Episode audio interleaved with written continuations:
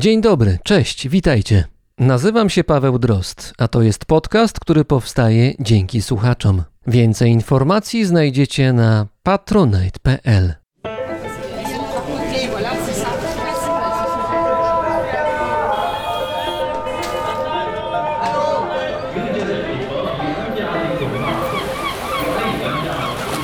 Brzmienie świata z lotu Drozda.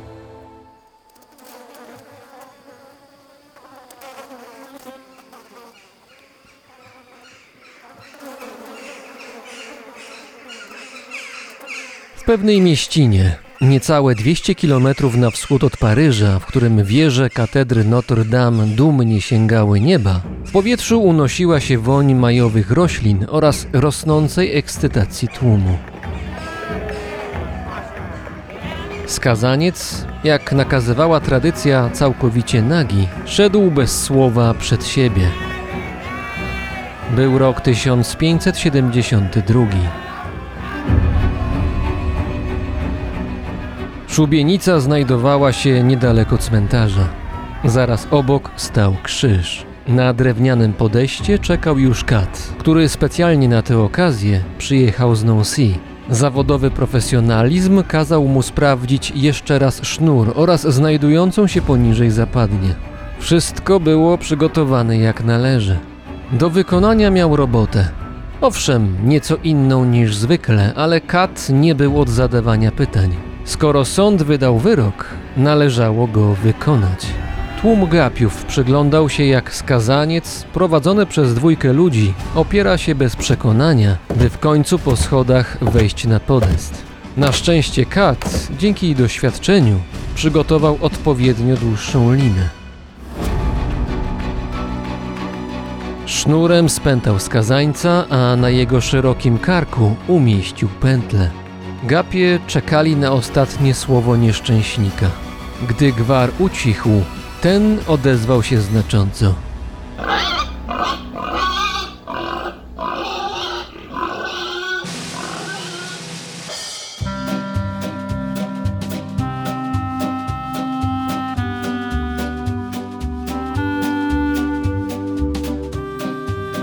Zakładając, że ludzie i zwierzęta tworzą odrębne światy, trzeba zauważyć, że owe światy wzajemnie na siebie wpływają i nie zawsze wpływ ten ma pozytywny charakter.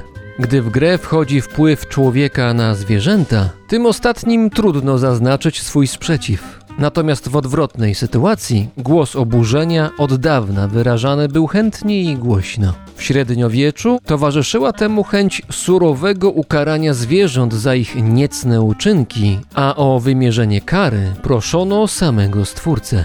Pewien biskup Trewiru, które to miasto uchodzi za jedno z najstarszych w Niemczech, z ambony rzucił klątwę na jaskółki. Ptaki podpadły biskupowi tym, że, co oburzające, ćwierkały. Na domiar złego zdarzało się, że podczas mszy na szatach duchownego lądowały ptasie odchody. Jest więc całkowicie zrozumiałe, że gniew Boży kierowany przez biskupa Trewiru musiał mieć odpowiednią moc. Jaskółkom zakazano wlatywania do wnętrza miejscowej katedry, a karą za zignorowanie zakazu miała być śmierć. W Trewirze znana jest wciąż legenda, zgodnie z którą, gdy tylko jaskółka znajdzie się w katedrze, natychmiast spada na posadzkę pozbawiona życia.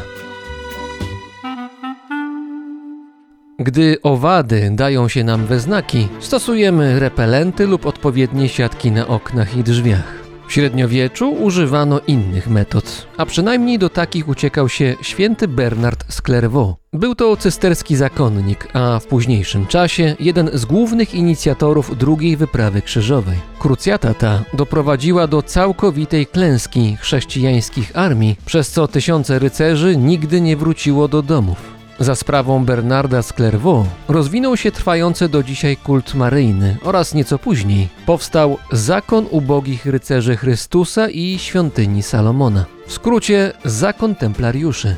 Bernard z Clairvaux, dzięki swoim płomiennym przemówieniom, zwany też doktorem miodopłynnym, figuruje jako święty.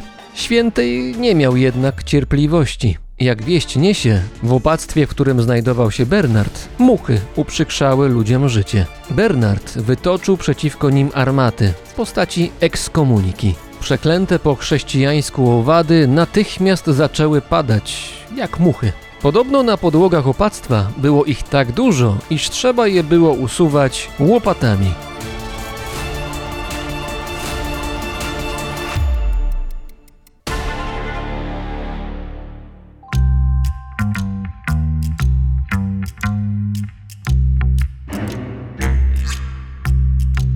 Ryby głosu nie mają, ale potrafią słuchać. Ta ich umiejętność mogła być dla nich wysoce niekorzystna, gdy usłyszały skierowaną do nich klątwę. Tak było w przypadku węgorzy, które w połowie XV wieku żyły w jeziorze genewskim.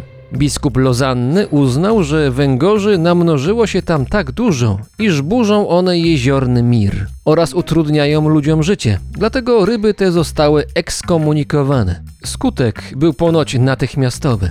Ten sam biskup interweniował również wtedy, gdy innym razem w jeziorze rozmnożyły się ponad miarę pijawki. Ich liczba zagrozić miała wszystkim rybom, a w szczególności łososiom, które szczególnie często zapełniały chrześcijańskie stoły w czasie postu. Biskup pijawki ekskomunikował i poszły do diabła. To znaczy, dokonała się ich anihilacja na drodze boskiej interwencji. Szybko, tanio, skutecznie.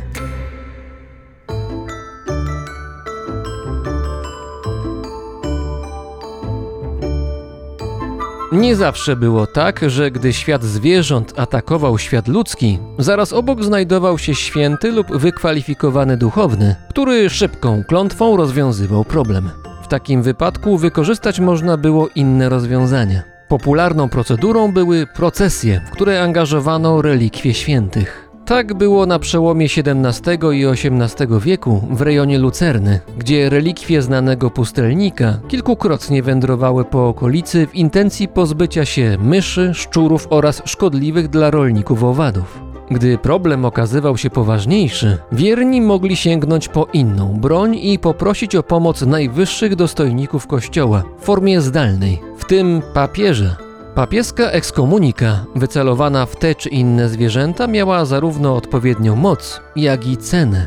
Trzeba było ją kupić. Z tej przyczyny, gdy decydowano się na to rozwiązanie, na opłatę zrzucało się kilka parafii lub miasteczek. W mniej złożonych przypadkach lub gdy brakowało pieniędzy na opłatę, zadowalano się ekskomuniką wydaną na mocy zwykłego rozporządzenia. W 1731 roku Rada Miejska w Lucernie wydała dokument o nałożeniu klątwy na owady. To, czy adresaci zostali odpowiednio powiadomieni, nie jest jasne.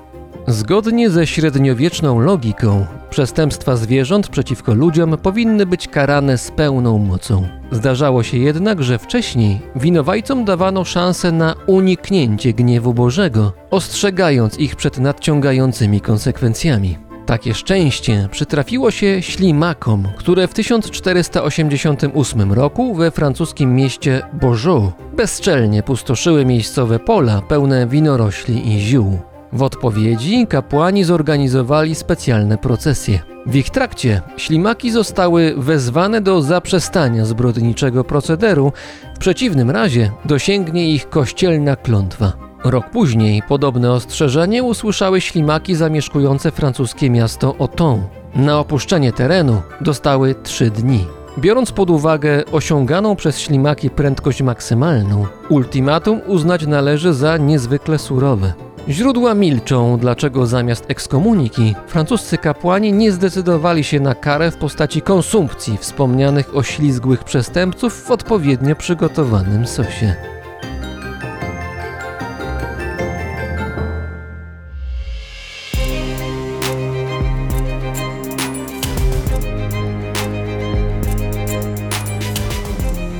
Klątwy były wygodnym narzędziem do karania krnąbrnych i niewłaściwie zachowujących się zwierząt zarówno w średniowieczu, jak i w czasach nieco późniejszych. To jednak rozwiązanie sprawdzało się, gdy na potępienie zasługiwały całe grupy, a nie indywidua. Jeśli zbrodnie popełniało konkretne zwierzę, należało je pojmać i po chrześcijańsku osądzić.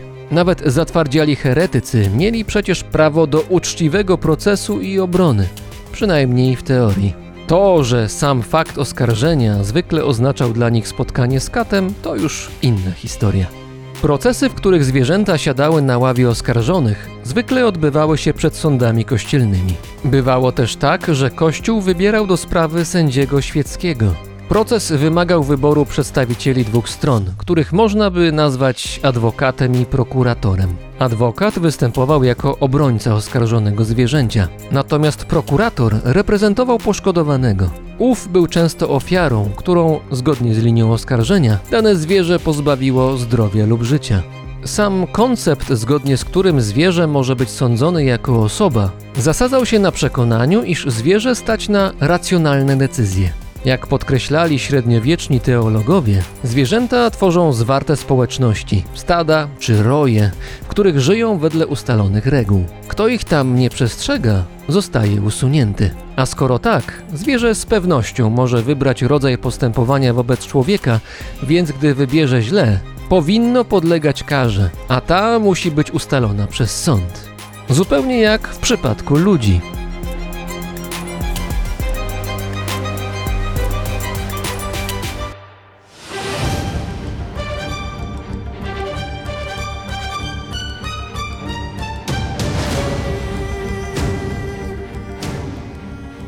Na ławie oskarżonych zwykle zasiadały zwierzęta domowe. W 1452 roku w jednym tylko procesie w Rouvre sądzone były krowy, 16 sztuk oraz jedna koza. Krowy są jednak zwierzętami łagodnymi i oskarżane były rzadko. Co innego ze świniami, które w średniowieczu miały złą reputację i oskarżano je wyjątkowo często. W 1379 roku trzy maciory miały rzucić się na syna ich opiekuna. Ten w wyniku odniesionych ran zmarł. Sąd aresztował trójkę sprawczyń, a także dwa stada świń, które, jak udowadniał oskarżyciel, ochoczo dołączyły do miejsca zbrodni, wykazując agresję.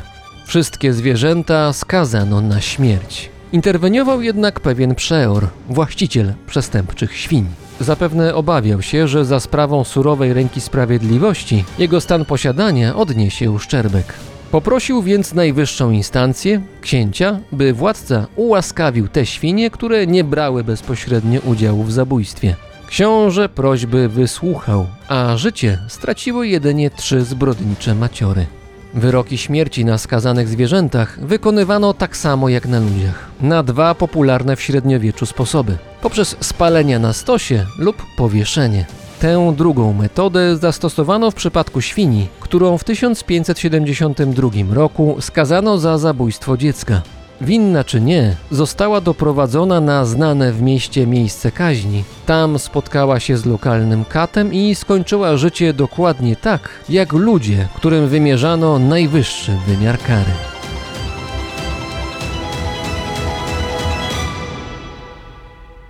Wśród zwierząt sądzonych przez ludzi byli przedstawiciele niezliczonych gatunków. Chrabąszcze, krety, szarańcza, węże, konie, koniki polne, owce, psy, żółwie oraz koguty.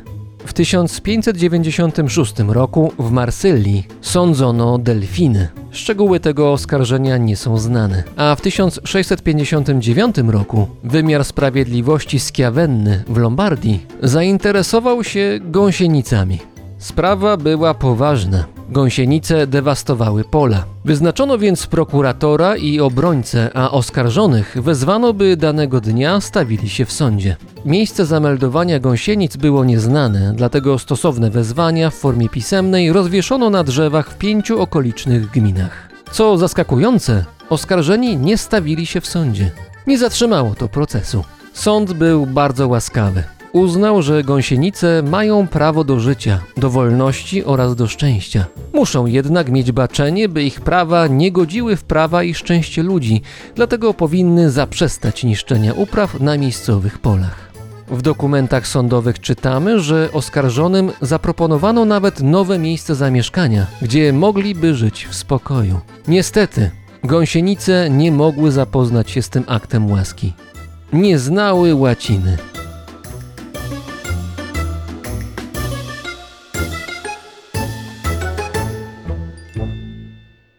Więcej podobnych, przedziwnych historii zwierząt, stawianych nie tylko w średniowieczu przed sądem, znajdziecie w wydanej w 1906 roku książce Postępowanie karne i kara śmierci wobec zwierząt, napisanej przez Edwarda Evansa. Był to amerykański językoznawca i badacz, zwolennik praw zwierząt sprzed ponad 100 lat.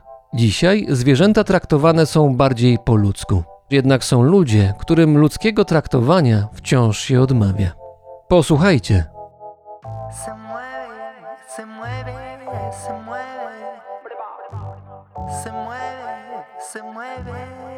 mueve.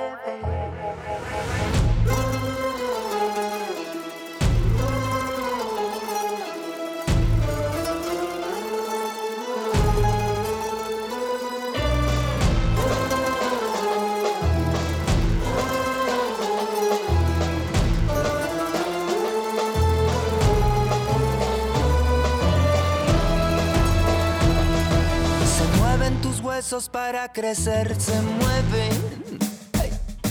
Se mueven mis ojos para poderte ver, se mueven. Ey. Se mueven los órganos de la madre para poder nacer. Se mueve el tiempo siempre veloz, el pueblo para dar la voz se mueve. Se mueven los planetas a tu alrededor, se mueve. Mis dedos para desabrocharte ese botón se mueve. Se mueve el corazón cuando hay pasión, se mueve. Se mueve tu lengua para gritar, mis brazos para poderte abrazar. ¡Eh! No nos pararán, no nos pararán, no nos pararán, no nos pararán, no nos pararán, no nos pararán. El mismo movimiento para que el agua no se estanque. No nos pararán, no nos pararán, ¡Eh! no nos pararán, no nos pararán, ¡Eh! no nos pararán, no nos pararán.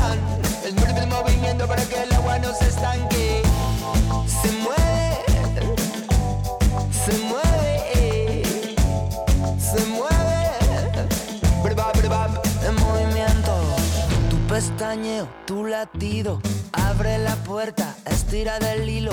Cuelga la mala suerte, atreverse es ganar la apuesta. Cruzar el puente, subir de tres en tres la escalera. Repoblar las manos, agarrar con fuerza. Que los milagros salgan de la sala de espera. Cargar las palabras, que el discurso dispare las alertas. Que no te quiten lo bailao. Que el amor sea malgastado. Date ritmo, destierra la pereza. Mil intentos, los cimientos de tu experiencia. Trepa hacia tu ventana. Que por alegría suenen tus palmas. Reescribe el cuento de nunca empezar. Ventila tus huellas, sácate a pasear. No nos pararán, no nos pararán, no nos pararán, no nos pararán, no nos pararán, no nos pararán. Movimiento para que el agua no se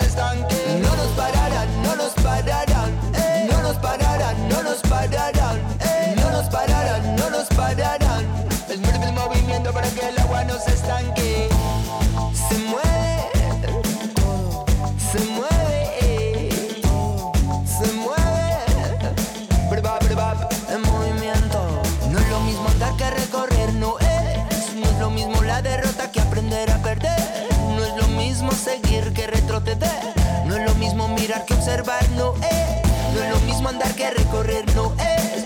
No es lo mismo la derrota que aprender a perder. No es lo mismo conformarse que desaprender.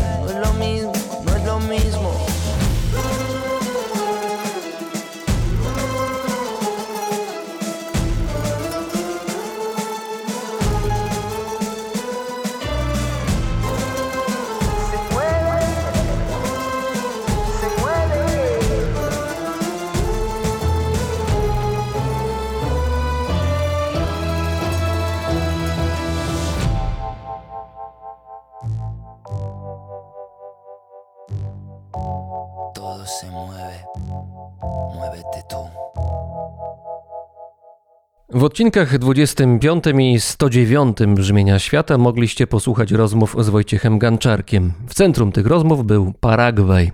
Wojtek zainteresował się tym krajem tak bardzo, że poświęcił mu film dokumentalny oraz książkę. Jak się okazuje, Paragwaj, kraj leżący na uboczu świata, chociaż geograficznie w centrum Ameryki Południowej, zainteresował jeszcze jedną osobę, którą znam nie od wczoraj i cenię za reporterskie podejście do poznawania tego, co znane jest zbyt mało. Razem z nami jest teraz Tomasz Owsiany. Dzień dobry, cześć. Dzień dobry, cześć. Tomka znacie choćby dzięki jego książkom. E, Najnowsze to wydane nie tak dawno reportaże z Gujany Francuskiej, czyli Kraj naprawdę i na niby, a nieco wcześniej można było przeczytać Pod ciemną skórą Filipin, w której to książce Tomek przyglądał się Filipinom. A teraz Paragwaj się pojawił na warsztacie i jestem ciekaw, czy efektem tej wizyty w Paragwaju było zainteresowanie yerba mate, czy już wcześniej byłeś yerbistą? Teraz pijemy yerba mate zresztą, to duża przyjemność. Yerbista to brzmi prawie jak członek zakonu jakiegoś, ale...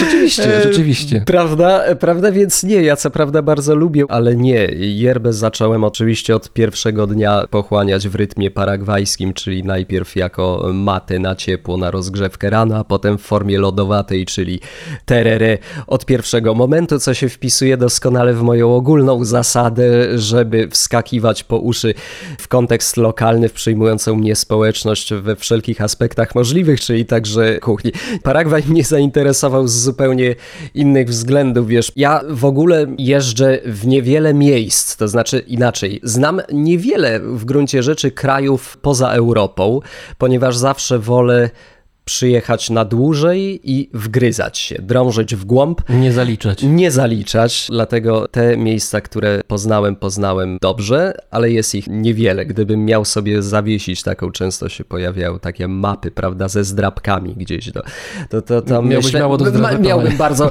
miałbym e, bardzo mało do zdrapywania.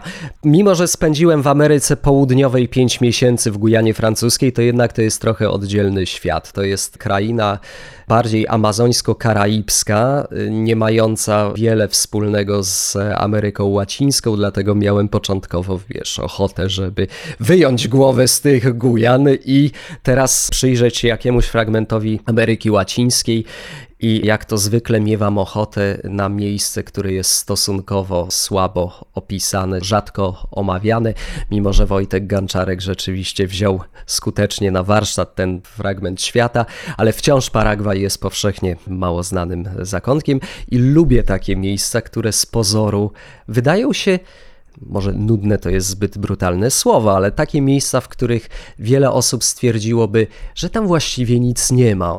Wykrzykniki często troszkę odwracają uwagę od esencji miejsc, wydaje, wydaje A każde mi miejsce ma swoją esencję, prawda? Każde miejsce ma swoją esencję ostatecznie. Wykrzykniki często w postaci czy e, różnych reliktów historii, czy nawet przyrodnicze, no ostateczne one są trochę rodzajem dekoracji, w których potem toczy się życie różnych grup społecznych, ich problemy, różne zależności i tak dalej i ja, ja właśnie szczególnie lubię. W Paragwaju cała ta moja podróż skupiła się na rdzennej ludności, choć nie była tylko jej poświęcona, bo spędziłem nieco czasu wśród ortodoksyjnych menonitów, w być może najbardziej ortodoksyjnej kolonii Nueva Durango, czy wśród hodowców bydła w Chaco. A czy menonici piją yerbę? To ciekawe. Menonici piją yerbę, piją. tak, tak, chociaż ci w Chaco troszeczkę mniej, ci e, na wschodzie Paragwaju więcej, tak, jak najbardziej, już chociaż śniadanie zaczyna się od kawy, wiesz, po europejsku, po niemiecku. To bawarka powinna być.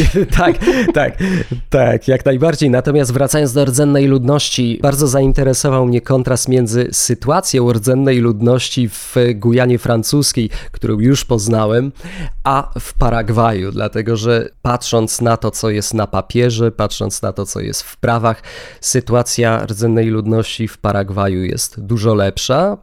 ponieważ prawo po pierwsze w ogóle uznaje rdzenną ludność, co w Gujanie Francuskiej nie istnieje. Chyba w Paragwaju nawet jest ministerstwo, prawda? Do spraw rdzennej nie, ludności. nie ma ministerstwa, jest Państwowy Instytut do Spraw Rdzennych, tak zwany INDI w skrócie, który jest takim organem koordynująco-wykonawczym i mówiąc najprościej, wszystko właściwie, co dotyczy rdzennej ludności, musi przynajmniej na jakimś etapie przechodzić przez INDI, co jest zapisane zresztą w statucie rdzennej ludności. Także, krótko mówiąc, na papierze Paragwaj gwarantuje właściwie wzorowo ustawione prawa rdzennej ludności, a w praktyce jest zupełnie inaczej, ponieważ prawa rdzennej ludności są łamane tam nagminnie. W Gujanie Francuskiej z kolei rdzenna ludność, która nawet oficjalnie nie jest uznana, na przykład Gujana Francuska nigdy nie ratyfikowała konwencji 169, prawo wiesz, do świadomego stano, stanowienia i przede wszystkim dającym pełną kontrolę i inicjatywę nad wszelkimi zmianami, które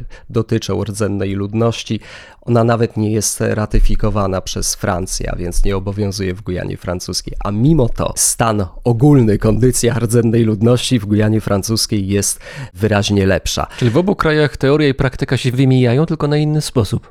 Zupełnie tak, ale wiesz, to Paragwaj ma zresztą ogromną, długą tradycję rozmijania się teorii i praktyki, i szczególnie prawa i praktyki. To jest świetny taki był pisarz i komentator paragwajskiej rzeczywistości Eli Overa, który napisał m.in. książkę País de la Sopa Dura, nawiązując tutaj do twardej zupy, dosłownie sopa Paragwaja, która nazwa brzmi jak zupa paragwajska, ale de facto jest rodzajem po prostu placka mącznego z cebulą, nie mającą z zupą nic wspólnego, więc w tej książce dość rysuje satyryczną panoramę paragwajskiego społeczeństwa też na przestrzeni dziejów. I on gdzieś tam to mi zapadło w pamięć, stwierdził, że prawo obowiązujące jest zbiorem malowniczych abstrakcji, które wzruszają bardzo niewielu i to dosyć wymownie pokazuje stan Paragwaju w tej dziedzinie. No jeżeli chodzi o te relacje między mm, teorią a praktyką, to może zwróćmy uwagę na to, że Paragwaj się intensywnie zmienił w zeszłym roku, na papierze przynajmniej, bo się okazało, że ludności tego kraju nagle jest znacznie mniej niż było wcześniej. Co się stało? Jakaś katastrofa nastąpiła, że Paragwajczyków jest mniej? Nie, katastrofa żadna nie nastąpiła po prostu skorygowano dane. W zeszłym roku opublikowano wyniki wstępne spisu powszechnego, z którego wyniknęło, że Paragwajczyków jest dzisiaj 6 milionów 100 tysięcy i jeszcze trochę, a nie 7,5 miliona jak sądzono, więc to jest ogromny ubytek, około 20% bodajże. Wzięło się to z tego, że ten poprzedni spis z 2012 roku był na tyle niedokładny, na tyle niemiarodajny, że za podstawę wszelkich prognoz i wyliczeń przyjęto dane sprzed 20 lat, no i rozdźwięk okazał się ogromny. Ale co ciekawe, okazało się, że rdzennej ludności jest troszkę więcej niż było. Ale to, to jest tak, że lepiej ich policzono niż wcześniej? To trzeba by znowu ze sporą dozą ostrożności i jeszcze większą dozą wnikliwości przeanalizować te wszystkie liczby. Sądzę, generalnie tendencja demograficzna wśród rdzennych jest wzrostowa a więc po prostu nominalnie jest ich dzisiaj więcej i procentowo nieznacznie, bo dzisiaj rdzenni stanowią 2,3 bodajże, jeśli się już w takie aptekarskie szczegóły bawić, 2,3% całej populacji paragwajskiej na to wychodzi. I wśród tej grupy mamy grupę specjalną, szczególną, to znaczy szczególną dla ciebie, bo spędziłeś o nich sporo czasu, to są tak. Aczowie, czy grupa Acze. A tak, tak. Niezwykle ciekawa grupa, choć dosyć nieliczna, zamieszkująca wschodni region Paragwaju, w którym zresztą kumuluje się zdecydowana większość paragwajskiej populacji.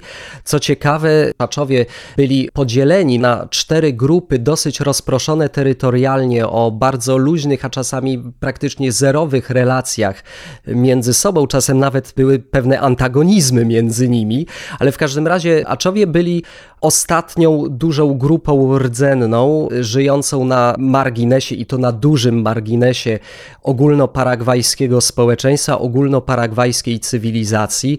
Ostatnia duża grupa została wyprowadzona, no to mówię eufemistycznie, została wyprowadzona z lasu w 1978 roku. To znaczy mówisz o tym, że ta grupa unikała kontaktu z tym, co nazywamy cywilizacją ogólną? Unikała generalnie, zasadniczo go nie potrzebowała, chociaż wiesz, nawet wspomina się, że w redukcjach jezuickich w XVII wieku jacyś aczowie się pojawiali. Są różne wzmianki, czy to antropologów, czy misjonarzy, na przykład z początków XX wieku o kontaktach z aczami. Już się tam pojawiają zresztą wątki tego, co potem ostatecznie wypłynęło już bardzo oficjalnie i formalnie na forum międzynarodowe, czyli polowań na aczów, porywania do niewolniczej pracy ale według różnych relacji już wtedy zdarzały się porwania aczów, a nawet tak drastyczne rzeczy jak jeśli dać wiarę tamtym relacjom, jak mordowanie, siekanie ciał i używanie ich, ich na przynętę. Natomiast Aczowie byli zawsze ludem wybitnie myśliwsko-zbierackim, w związku z czym wymagali do jego funkcjonowania właśnie lasu i tkwili w lesie. Na przykład lud Awa Guarani, od którego zaczął się w ogóle kontakt kolonizatorów europejskich z rdzenną ludnością Paragwaju i to był zalążek, z którego bardzo szybko w ciągu kilkudziesięciu lat uformowało się właśnie ten trzon paragwajskiego społeczeństwa, czyli paragwajscy metysi. Oni byli no, w cudzysłowie od zawsze rolnikami to może za dużo powiedziane, ale uprawiali ziemię na jakiś Osadnicy sposób. bardziej niż koczownicy, bo aczowie byli nie, to znaczy element nomadyzmu, koczownictwa był tam zawsze obecny, ale była idea uprawy ziemi. Natomiast wśród Aczów nie. Aczowie naprawdę byli wybitnie myśliwsko-zbieraccy.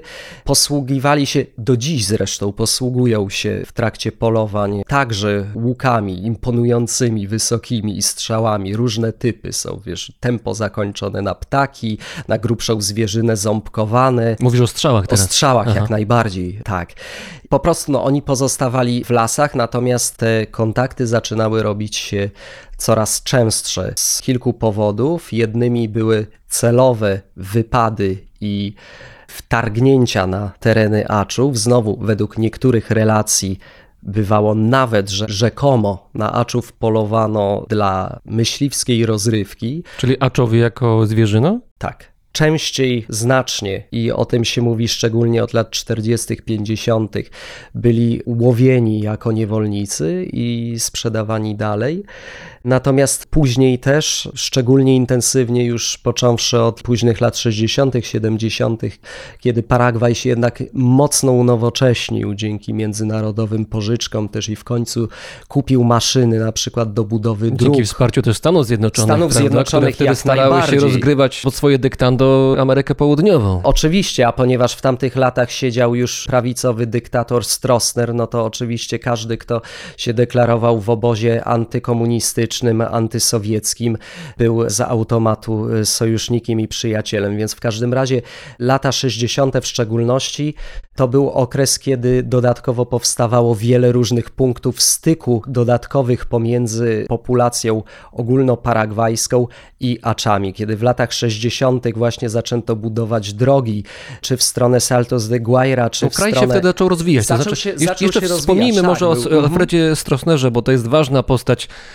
czarna postać, ale jednak ważna postać dla historii Paragwaju. Mamy połowę lat 50., przejmuje władzę dyktatorską, rządzi ile? 35 lat? Coś koło tego chyba, Mniej prawda? więcej do 89 roku. Jeden z tak, dłużej widzisz? działających dyktatorów tej części świata. Zdecydowanie. E, jeden, tak. I korzystając z pomocy międzynarodowej, między innymi Stanów Zjednoczonych, rozwija kraj gospodarczy, ale jednocześnie trzyma bardzo mocną ręką i się nie patyczkuje. I Aczowie stali mu na drodze, mówiąc krótko. Może nie tyle jemu bezpośrednio, co tym, których on wspierał, czyli dużemu kapitałowi.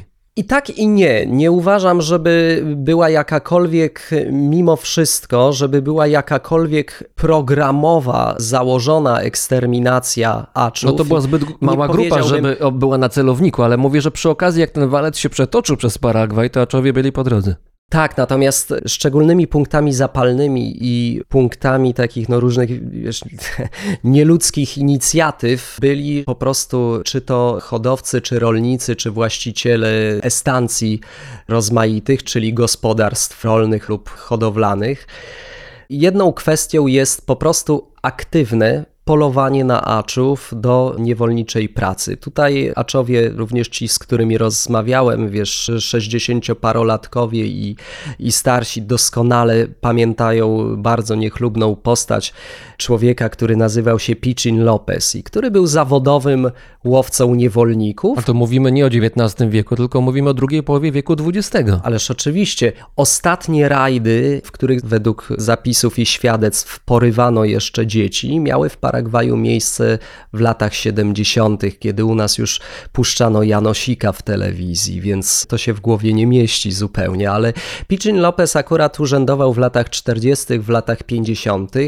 i właśnie był zawodowym łowcą niewolników. których potem również w latach 50. potrafił na przykład w liczbie bodaj 40 zupełnie publicznie sprzedawać na targu. Byli aczowie kupowani przez właśnie właścicieli gospodarstw do ich pracy. Czy państwo tutaj jakoś miało do tego stosunek? Czy prawo było przeciwne, a praktyka sobie? Czy to jednak było tak, że to się wszystko w majestacie prawa odbywało? Tutaj wracamy do tego, o czym powiedzieliśmy sobie, to znaczy formalnie i oficjalnie przyzwolenia na takie działania nie było, natomiast e, znowu prawo było martwe. Wiesz. Powstawały już w XX wieku rozmaite organizacje, które nieraz przy współpracy na przykład też z Ministerstwem Obrony czy jakimiś pionami wojskowymi miały, jak to się ładnie mówiło, towarzyszyć rdzennej ludności trochę na drodze jej rozwoju. Zasadniczo już od połowy XIX wieku, kiedy Don Carlos Antonio López znacjonalizował właściwie wszystkie rdzenne ziemie, a rdzennym nadał formalnie obywatelstwo paragwajskie, to do, myślę, przynajmniej lat 80. obowiązywał paradygmat i doktryna asymilacji rdzennej ludności, więc wszelka ewentualna opieka i pomoc miała zmierzać do tego, żeby jednak rdzenną ludność bardzo mocno włączyć w ten model cywilizacji ogólno Wchłonąć, wchłonąć. i włączyć w ten model cywilizacji ogólnoparagwajskiej. Kontekst też relacji ze Stanami Zjednoczonymi, ubiegania się o pożyczki od Banku Światowego chociażby, również on wymuszał to, że pewne ruchy, przynajmniej pozorne, były przez państwo robione na rzecz rdzennej ludności. Dokładnie w roku 50 powstało na przykład Biuro do Spraw Obrony Rdzennej Ludności, na którego czele stanął paragwajski antropolog Leon Cadogan, zresztą, który się bardzo przyczynił do wyniesienia wszelkich nadużyć względem aczów na forum.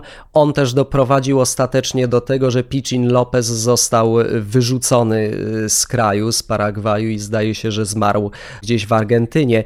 Potem w 1958 roku na przykład powstało Wydział do Spraw Rdzennych, więc prawo oczywiście w żaden sposób nie przyzwalało na czy porywanie aczów do niewolniczej pracy, czy porywanie dzieci, które były potem sprzedawane normalnie paragwajskim rodzinom, ale też często o imigranckich korzeniach, bo są... do adopcji, do, rozumiem, do, tak? do adopcji tak zwanej jako criados, ale wiesz, znowu adopcja to jest takie miłe słówko w tym wszystkim. Criados de facto byli po prostu rodzajem służących. Czyli te którzy- dzieciaki nie miały statusu dzieci nowych rodziców, tylko to była jakaś służebna funkcja. Znaczy bardzo, wszystko zależało od rodziny, ale tak de facto były na ogół y, dziećmi gorszego sortu. Znasz konkretne przykłady osób, które były ofiarami tego systemu, który działał jeszcze lat temu 50 czy 60? Tak, poznałem kilka takich osób i podejrzewam, że najbardziej niezwykłą postacią jest tutaj Margarita Mbywangi, która zresztą wśród rdzennych w Paragwaju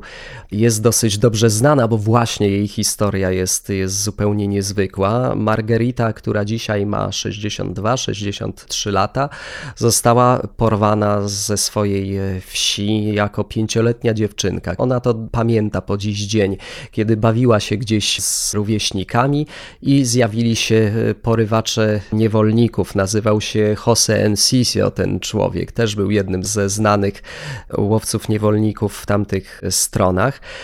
Mimo, że schowała się gdzieś tam w chatce, to została e, właśnie e, porwana i sprzedana paragwajskiej rodzinie. Margarita bardzo szybko zaczęła traktować tych ludzi jako swoich rodziców. To znaczy, mówiła do nich od początku, zresztą do dziś, mimo że ci ludzie już nie żyją. Mówi o nich cały czas moja mama, mi mama, mi papa Paragwaja dlatego że swoich biologicznych rodziców już nigdy więcej nie zobaczyła. Zresztą jej ojciec zmarł, kiedy była malutką dziewczynką, zdaje się ukąszony przez żmiję, natomiast swojej matki nigdy nie poznała. I była właśnie klasycznym przykładem criado, czyli dziecka, które niby jest członkiem rodziny. Bawi się z rodzeństwem, jest właśnie przyłataną y, córką, przyłataną siostrą, ale jest jednocześnie dzieckiem gorszej kategorii. Bo jak Margarita wspomina, ona po pierwsze nigdy jej nie przytulono, nigdy nie, nie doznała żadnego, wiesz, uczucia kiedy biologiczne dzieci tych ludzi normalnie, nie wiem, bawiły się, wychodziły, bawiły z rówieśnikami.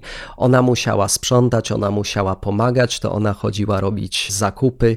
Nigdy nie została formalnie przez rodziców posłana do szkoły. To, że skończyła na początku kilka klas, było zasługą tylko tego, że potem jej rodzeństwo miało ten punkt zaczepienia w szkole i po prostu zabierali ją ze sobą. I dzięki temu nauczyła się i w rodzinie też języka hiszpańskiego i nieco guarani, ale co ciekawe, przez pierwsze lata jej korzenie, jej pochodzenie zupełnie się zatarły w jej pamięci.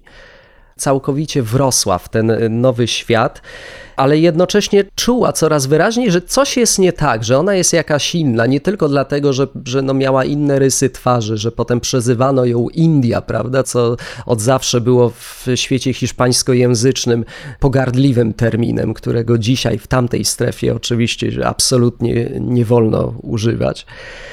Ale też na przykład to była taka anegdotka, którą mi opowiadała, że kiedy zbliżał się okres świąt i prezentów, to jej rodzeństwo dostało normalne, fajne prezenty, a ona na przykład dostała tylko kilka bananów, które dodatkowo widziała, jak jej mama paragwajska kupowała gdzieś na targu. Od tej pory Margarita bojkotowała już wszelkie prezenty. Nie dostała nawet dokumentów, nie dostała nazwiska od swoich rodziców paragwajskich, także niby była córką, ale była po prostu jednocześnie półsłużącą. To sprawiło, że ona w końcu jako nastolatka uciekła. Potem została odnaleziona, ponieważ akurat zaczepiła się gdzieś w barze przy drodze, a ponieważ jeden z jej braci, tych paragwajskich, był kierowcą, to została rozpoznana. Wtedy na miejsce przyjechała matka paragwajska w asyście policji i zagroziła, że jeżeli z nią nie wróci, to wtedy y, zostanie na komisariacie. No krótko mówiąc, po różnych perypetiach i drugiej ucieczce za pośrednictwem jednego z misjonarzy, który zbierał też takich właśnie criados i starał się umożliwić im powrót na łono ich właściwej społeczności. Zresztą Margarita sama chciała po prostu wrócić na łono swojej społeczności. I ostatecznie jej się to udało, kiedy wreszcie trafiła do społeczności Aczów, takiej skomponowanej z różnych, nazwijmy to w cudzysłowie, rozbitków, różnych grup po przejściach. Tam została rozpoznana przez swoich krewnych. Tam dopiero dowiedziała się, że nazywa się Bywangi. No to po latach, bo jeżeli była nastolatką, to minęło Tak. ile? 10 lat? Więcej Tak. niż dekada. Tak, tak, tak. Powrót był też bardzo trudny, ponieważ nie mówiła w języku Acze. Nie znała już swojej kultury. Korzystania z lasu musiał jej nauczyć jej brat. Była przyzwyczajona do zupełnie innych warunków, do innej ilości jedzenia, innej częstotliwości, do spania pod kocem, a nie przy ognisku. Było jej po prostu zimno, trudno. Poza tym Aczowie po tych traumatycznych doświadczeniach, tych, o których powiedzieliśmy i tych, o których jeszcze nie mówiliśmy, często nienawidzili Paragwajczyków. Natomiast Margarita, jako osoba, która nie mówiła wacze i która potem też zaszła w ciążę z Paragwajczykiem, na przykład była dla nich z jednej strony odzyskaną krewną, ale też e, Swój i obcą. obcy jednocześnie. Swój i obcy jednocześnie. To był bardzo trudny dla niej okres. Ona popadła też w alkoholizm przez pewien czas, uciekała, wracała. Klasyczny scenariusz dla powracających, których było wielu, tych rozbitków powracających na łono Aczów. Ale z czasem okazało się, że to, co ją piętnowało i wystawiało nieco na margines jej społeczności, stało się jej atutem, ponieważ kiedy społeczność, w której mieszkała ze względu na, na różne konflikty, się podzieliła i Margarita przeniosła się na skraj wielkiego rezerwatum Barakaziu, w którym żyje w swojej społeczności do dzisiaj, i wspólnota zaczęła mieć przez długi czas problem właśnie z integralnością ich ziem, które były też często nachodzone przez między innymi bezrolnych chłopów. Aczowie organizowali manifestacje, organizowali nieraz takie dość imponujące kordony mężczyzn stojących z łukami i strzałami, prawda? Że bronili swoich bronili, ziem. bronili swoich ziem, Mhm. ale też rozpoczynali walkę formalno-polityczną trwającą lata i potrzebowali lidera. Lider musiał oczywiście móc się komunikować sprawnie po hiszpańsku. I właśnie to, co stygmatyzowało Margeritę dawniej, stało się nagle jej atutem, i tak stopniowo Margerita naturalnie wyrosła na liderkę swojej społeczności, prowadziła też wiele różnych zwycięskich manifestacji, akcji politycznej, także w stolicy. I kiedy władzę w kraju objęła opozycja, pierwszy raz od niepamiętnych czasów, zaproponowano Margericie kandydowanie do Senatu. To się nie udało, ale zaproponowano jej następnie funkcję szefowej Państwowego Instytutu do Spraw Rdzennych, czyli tej najważniejszej instytucji wdrażającej, koordynującej politykę państwową względem rdzennych. I Margarita Mbywangi, niegdyś porwana i sprzedana dziewczynka, stała się pierwszą w historii Paragwaju właśnie rdzenną szefową państwowej instytucji. Oprócz tego, że mamy zjawisko, o którym już mówiłeś dokładnie, czyli kwestia niewolnictwa czy polowań na tych ludzi, odbywały się jeszcze inne procesy, które generalnie charakteryzowały Paragwaj tamtych czasów. To znaczy Generalnie walka o ziemię. W tle było wylesianie, w tle była inwazja, bo tak to trzeba nazwać, rolnictwa wszelkiego rodzaju i rolnictwa w postaci upraw soi czy innych roślin. Oczywiście byli hodowcy bydła i ofiarami tych procesów, zestawu procesów byli właśnie też aczowie oczywiście. Oni siedząc w lesie byli na celowniku tych ludzi, którzy chcieli po prostu zarobić na tym, żeby mieć nową ziemię, a aczowie ziemię mieli. Tak, jak najbardziej. No zresztą pierwotne terytorium Aczów to był obszar mniej więcej wielkości Dolnego Śląska, prawda? Dlatego, olbrzymia dlatego to, przestrzeń. Były, to była olbrzymia przestrzeń. Początkowo to kurczenie się lasów było dosyć nieśmiałe, choćby dlatego, że, że odbywało się po prostu tradycyjnymi metodami w sposób niezmechanizowany jeszcze.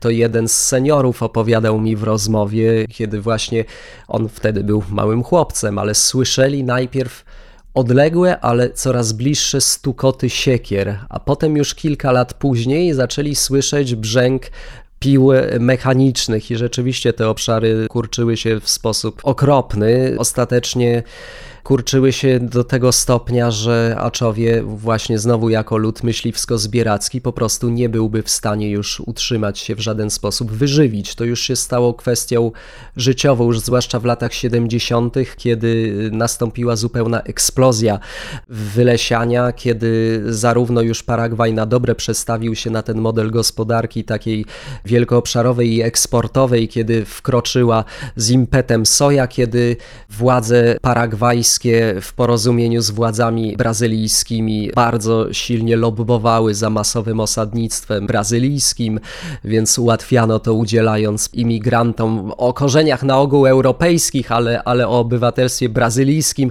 Osadnictwo na wschodzie Paragwaju na przykład zniesiono obowiązujący zakaz osiedlania się w obszarach przygranicznych, udzielano korzystnych pożyczek, kiedy zaczęto budować tę olbrzymią zaporę wodną Itaipu i Jedna z zalano największych na ogromny- świecie. Wtedy chyba największa, Wtedy była prawda? Największa, wtedy gigant. była największa, to był gigant oczywiście. No dzisiaj już Chińczycy zdeklasowali rzeczywiście Paragwaj, natomiast była największa i ogromne obszary zostały zalane, tereny także po stronie brazylijskiej. To strona paragwajska też namawiała, żeby ci poszkodowani z brazylijscy za odszkodowania, które dostali tam, kupowali ziemię w Paragwaju. Przebicie, no różnie mi mówiono, rozmawiałem akurat z Brazylijczykami o, o rozmaitych korzeniach, także polskich. Brazylijczykami czy Paragwajczykami już dzisiaj często mogliby się obrazić, gdybym nazwał ich Brazylijczykami wyłącznie, którzy za jeden hektar ziemi sprzedanej w Brazylii kupowali często, nie wiem, 5, 7, nawet, nawet bywało, że 10 hektarów po stronie paragwajskiej. I właśnie w latach 70. szczególnie nastąpiła eksplozja wylesiania, która potem trwała w najlepsze. Liczby oficjalne są w moim odczuciu chwilami rozbieżne, natomiast szacuje się, że tak jak w latach 40. mniej więcej Mata Atlantika, czyli Puszcza Atlantycka, pokrywała ponad połowę całego makroregionu wschodniego Paragwaju, no to dzisiaj jest to poniżej 10%. Został zupełny ułamek. I nie tylko kurczyła się masa lasów, ale też po prostu zanikały korytarze pomiędzy różnymi, różnymi obszarami ekosystem leśnymi. się posypał. Cały ekosystem się posypał, cały świat się posypał tak naprawdę. Funkcjonowanie w lesie to nie było chodzenie po omacku wyłącznie aczowie, ale też inne ludy rdzenne zależące w jakimś przynajmniej stopniu od zbieractwa i myśliwstwa. One, w tym była logika, w tym było podążanie i za cyklem naturalnym przyrody i doskonale było wiadomo, gdzie, na jakim obszarze szukać, szukać jakich zasobów, w związku z czym później właśnie te obszary leśne nie tylko się kurczyły, ale też traciły swoją ciągłość, no to było rzeczywiście sytuacją dramatyczną i zagrażającą anihilacją tych rdzennych. W takim stanie była właśnie społeczność, od której w ogóle zacząłem mój kontakt z zaczami, społeczności Puerto Barra która skutkiem starań misjonarzy ewangelickich osiedliła się na stałe, stworzyła formalnie wspólnotę właśnie Puerto Barra w 1976 roku. Oni byli prawie na granicy głodu z powodu kurczenia się środowiska naturalnego. I wiesz, tu aspekt praktyczny, aspekt przetrwalny to jest jedno, ale też trzeba pamiętać, że dla cywilizacji Aczów utrata lasu to nie jest wyłącznie utrata zasobów. To jest utrata świata, To jest prawda? utrata świata, który definiował i tworzył wszystko, ponieważ jedynym sposobem uzyskania pewnego statusu wewnątrz swojej społeczności to było skuteczne polowanie cała mitologia, cała duchowość, cała religijność Aczów opiera się o relacje ze zwierzętami i z przyrodą. Wszyscy Aczowie noszą, no znaczy nie wszyscy, ale do dziś na szczęście większość Aczów nosi imiona, które są pochodnymi nazw zwierząt. Na przykład nazwisko Margerity, Bywangi, de facto to jest jej imię, ale funkcjonuje dzisiaj formalnie w też jej paragwajskim dowodzie jako nazwisko. Nawiasem mówiąc, Margarita była pierwszą, która to formalnie zrobiła, bo ona absolutnie, kiedy wyrabiano jej dokumenty, nie chciała mieć żadnego Martineza, żadnego Lopeza, o co to, to by w ogóle straszne było. Tylko powiedziała, że ona jest Mbywangi i od tej pory właśnie Aczowie mają jako nazwisko te swoje imiona pochodzące od nazw zwierząt. A skąd to nazwisko jej pochodzi? Była oznacza pakę nizinną, to jest rodzaj bardzo smacznego zresztą, jadłem w Gujanie francuskiej, bardzo smacznego gryzonia leśnego. Duży to gryzoń? To taki z grubsza wielkości aguti, może troszeczkę Nic większy. mi to nie mówi. To Powiedz... taki królik. A, królik, tak, tak, tak, tak kojarzę. troszeczkę, troszeczkę ten kaliber. To duży, Wiesz, już no, nie biegałem za pakami z miarką y, nigdy, ale, ale i widziałem je głównie w postaci Już potrawki gotowej. Mhm. już, y, już gotowej. Na przykładzie imion, nazwijmy to z pełnym szacunkiem odzwierzęcych. Przepraszam, można- no, przypominam ci, że rozmawiasz z Drozdem, także nie musisz o, ni, ni, ni, o nich naprawdę przepraszać. Mów dalej. A, No, no to doskonale tak. Ja z kolei mam pewien tutaj pierwiastek roślinny jako Tak, owsiany, więc, To- więc, no więc jest, jesteśmy w domu. Więc jesteśmy w domu całkowicie. I te z całym szacunkiem właśnie odzwierzęce imiona są doskonałym przykładem tego, jak, jak ważne wielowymiarowo były lasy. Ponieważ według wierzeń Aczów na człowieka składają się trzy elementy. Jedna to jest taki pierwiastek duchowy, który ostatecznie idzie sobie gdzieś po śmierci do słońca, ale ten pierwiastek nie jest zarezerwowany dla ludzi. Mają go też niektóre zwierzęta, na przykład pancerniki czy, czy ostronosy. Kiedy kobieta jest w ciąży, wtedy mężczyźni starają się upolować jak najcenniejsze, jak najlepsze mięso i ofiarować mięso zwierzęcia kobiecie. Jeżeli kobieta przyjmie ten podarunek, to wtedy Jest jedząc jakaś to mięso w ciąży, między tym jest, zwierzęciem tak a jest. kobietą. Wierzy się, że człowiek przyjmuje pewne przymioty też upolowanego zwierzęcia.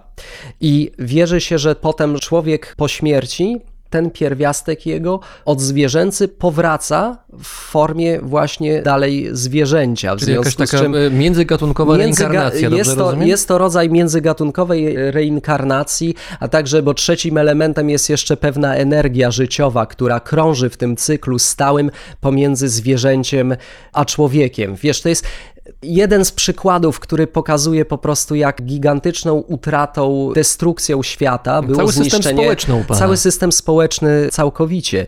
A w świetle tego, cośmy powiedzieli, w świetle agonii Aczów, tak naprawdę, którą zafundowała jej pewna frakcja paragwajskiego społeczeństwa, to społeczność Puerto Barra, której zniszczono cały świat, może się uważać za szczęściarzy, ponieważ jedyne, co ich spotkało, to jest właśnie zniszczenie ich świata. Oni akurat mieli to szczęście, że o ile mi wiadomo, nie byli ofiarami porwań, napadów czy ekspedycji odwetowych, bo takie też miały miejsce jeszcze kilka na początku lat 70., bo kiedy już skutkiem, wiesz, porwań, napadów, ograniczania przestrzeni życiowej i presji, w końcu zdarzyło się, że AC ranili czy zabili jakiegoś No, drwala i tak dalej, Mhm. to, to wtedy reakcja była skrajnie niewspółmierna.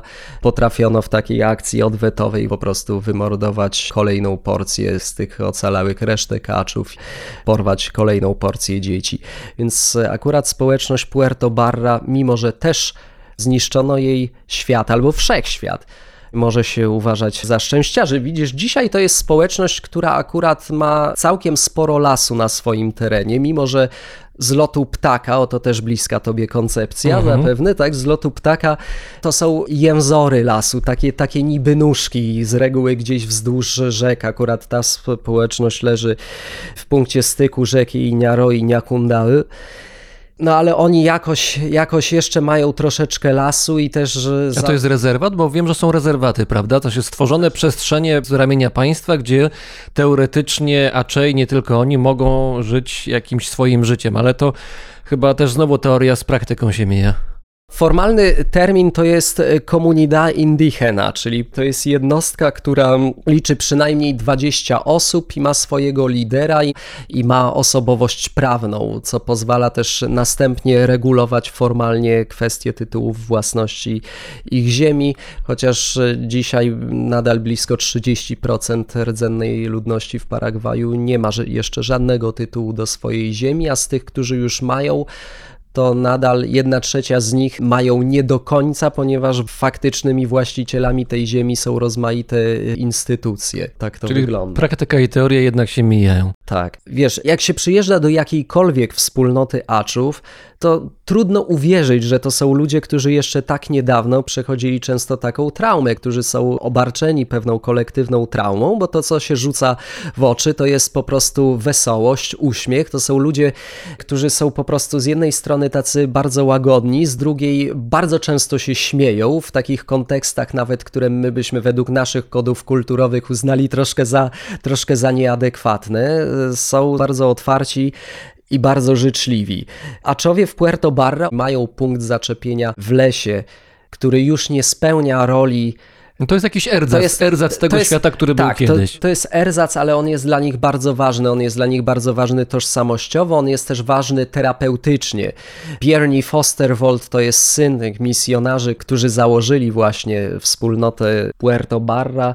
Biernie, który dorastał z aczami, mówi dzisiaj bardzo płynnie w języku Aczej, jest ich znawcą wyjaśnił mi, że, że właśnie las pełni często rolę terapeutyczną dla aczów. Jeżeli pojawiają się jakieś problemy osobiste, konflikty rodzinne, najchętniej idą na ileś dni do lasu. Pan Ricardo Minogi, stary, wytrawny myśliwy, właśnie spędził na przykład, obserwowałem go przez półtorej godziny, jak w lesie kopie dół, ale to jest dół taki, w którym na stojąco każdy z nas mógłby się schować, ponieważ chciał tradycyjną metodą dokopać się do leża pancernika, któremu ktoś inny w tym czasie zablokował już drogę ucieczki. To się ostatecznie nie udało, ale wiesz, z punktu widzenia bilansu energetycznego nie miało to najmniejszego sensu, więc las te spłachetki, które zostały, są, są ważne ze względów kulturowych, duchowych i psychologicznych.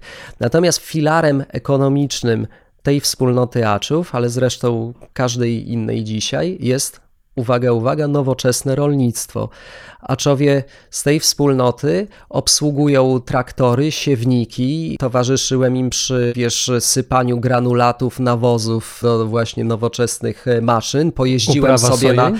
uprawa soi też. Y, Dochody z uprawy soi trafiają w tej wspólnocie do wspólnotowej kasy, ponieważ tam organizacja społeczno-ekonomiczna jest szczególnie tam, jest dosyć tradycyjna. Więc soja dzisiaj, która była główną przyczyną pierwotnie ich nieszczęścia, dzisiaj zasila ich kasę wspólnotową. To jest naprawdę niezwykłe, że Aczowie potrafili właściwie dostosować się w tak niezwykły sposób. No Są niektórzy tacy, którzy mówią, że to, co ich spotkało na przestrzeni ostatnich dekad, można z powodzeniem nazwać ludobójstwem. Można, można jak najbardziej. Zaraz pociągnę ten wątek, chciałem tylko jedną rzecz dopowiedzieć. Więc z jednej strony widać, wiesz, nieprawdopodobną modernizację, dlatego że niektórzy 60-parolatkowie, z którymi dzisiaj rozmawiałem, to są ludzie, którzy przyszli na świat jako nagie dzieci, których rodzice ścinali drzewa kamiennymi toporkami, a dzisiaj ich sąsiedzi, ciut młodsze pokolenie potrafi kodami QR płacić za zakupy w sklepie z jednej strony, z drugiej właśnie przestawienie się ludu wybitnie zbieracko-myśliwskiego na nowoczesne rolnictwo jest ogromnym sukcesem, ale Ta zmiana jest, jest tak wielka, że trudno ją w tej chwili nam tutaj siedzącymi przed stole jakoś ogarnąć rozumem. Ona, ona jest gigantyczna. Wydaje mi się, że ona jest, wiesz, po prostu skrajna, że nie da się w ciągu życia jednego człowieka już doświadczyć większej skrajności. Natomiast ten sukces ich, o którym mówię, to żeby to wybrzmiało bardzo wyraźnie, absolutnie ich sukcesem nie jest modernizacja sama w sobie, unowocześnienie czy jakiś uniwersalnie pojmowany rozwój. Ich sukcesem jest to, że właśnie pomimo ich tak brutalnego odarcia ze wszystkiego, co stanowiło ich wszechświat i co stanowiło o nich samych, oni mimo wszystko byli w stanie pójść do przodu i na zgliszczach tego swojego świata zacząć prężnie kontynuować, odbudowywać coś, starając się jednocześnie jedną nogą zostać w tym, co ocalało. To jest nieprawdopodobne. A wracając do ludobójstwa, to o czym powiedzieliśmy sobie dotychczas, to jest pewną składową tego, ale jeszcze nie wyczerpuje tematu, ponieważ do zdziesiątkowania i tak już niewielkiej populacji aczów przyczyniło się także ostateczne najpierw skupianie ich w coraz większych, nazwijmy to roboczo, koloniach, a potem ostatecznie w formalnej, utworzonej w 1968 roku Kolonia Nacional Guayaki, ponieważ wcześniej nazywano Aczów Guayaki.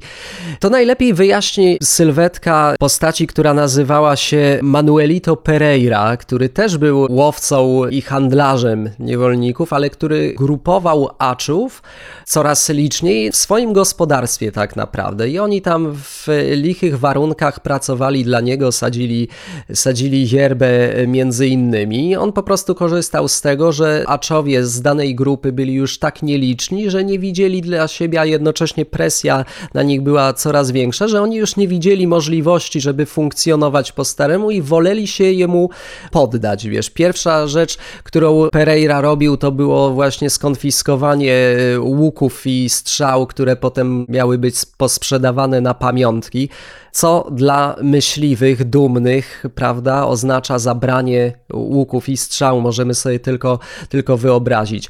Potem używał tych porwanych do tropienia kolejnych grupaczów. Rozmawiałem z panią Teresą na przykład, której ojca Pereira wykorzystał do wytropienia i ściągnięcia kolejnej grupy aczów. Po kilkanaście, kilkadziesiąt osób coraz więcej i pracowali tam półniewolniczo.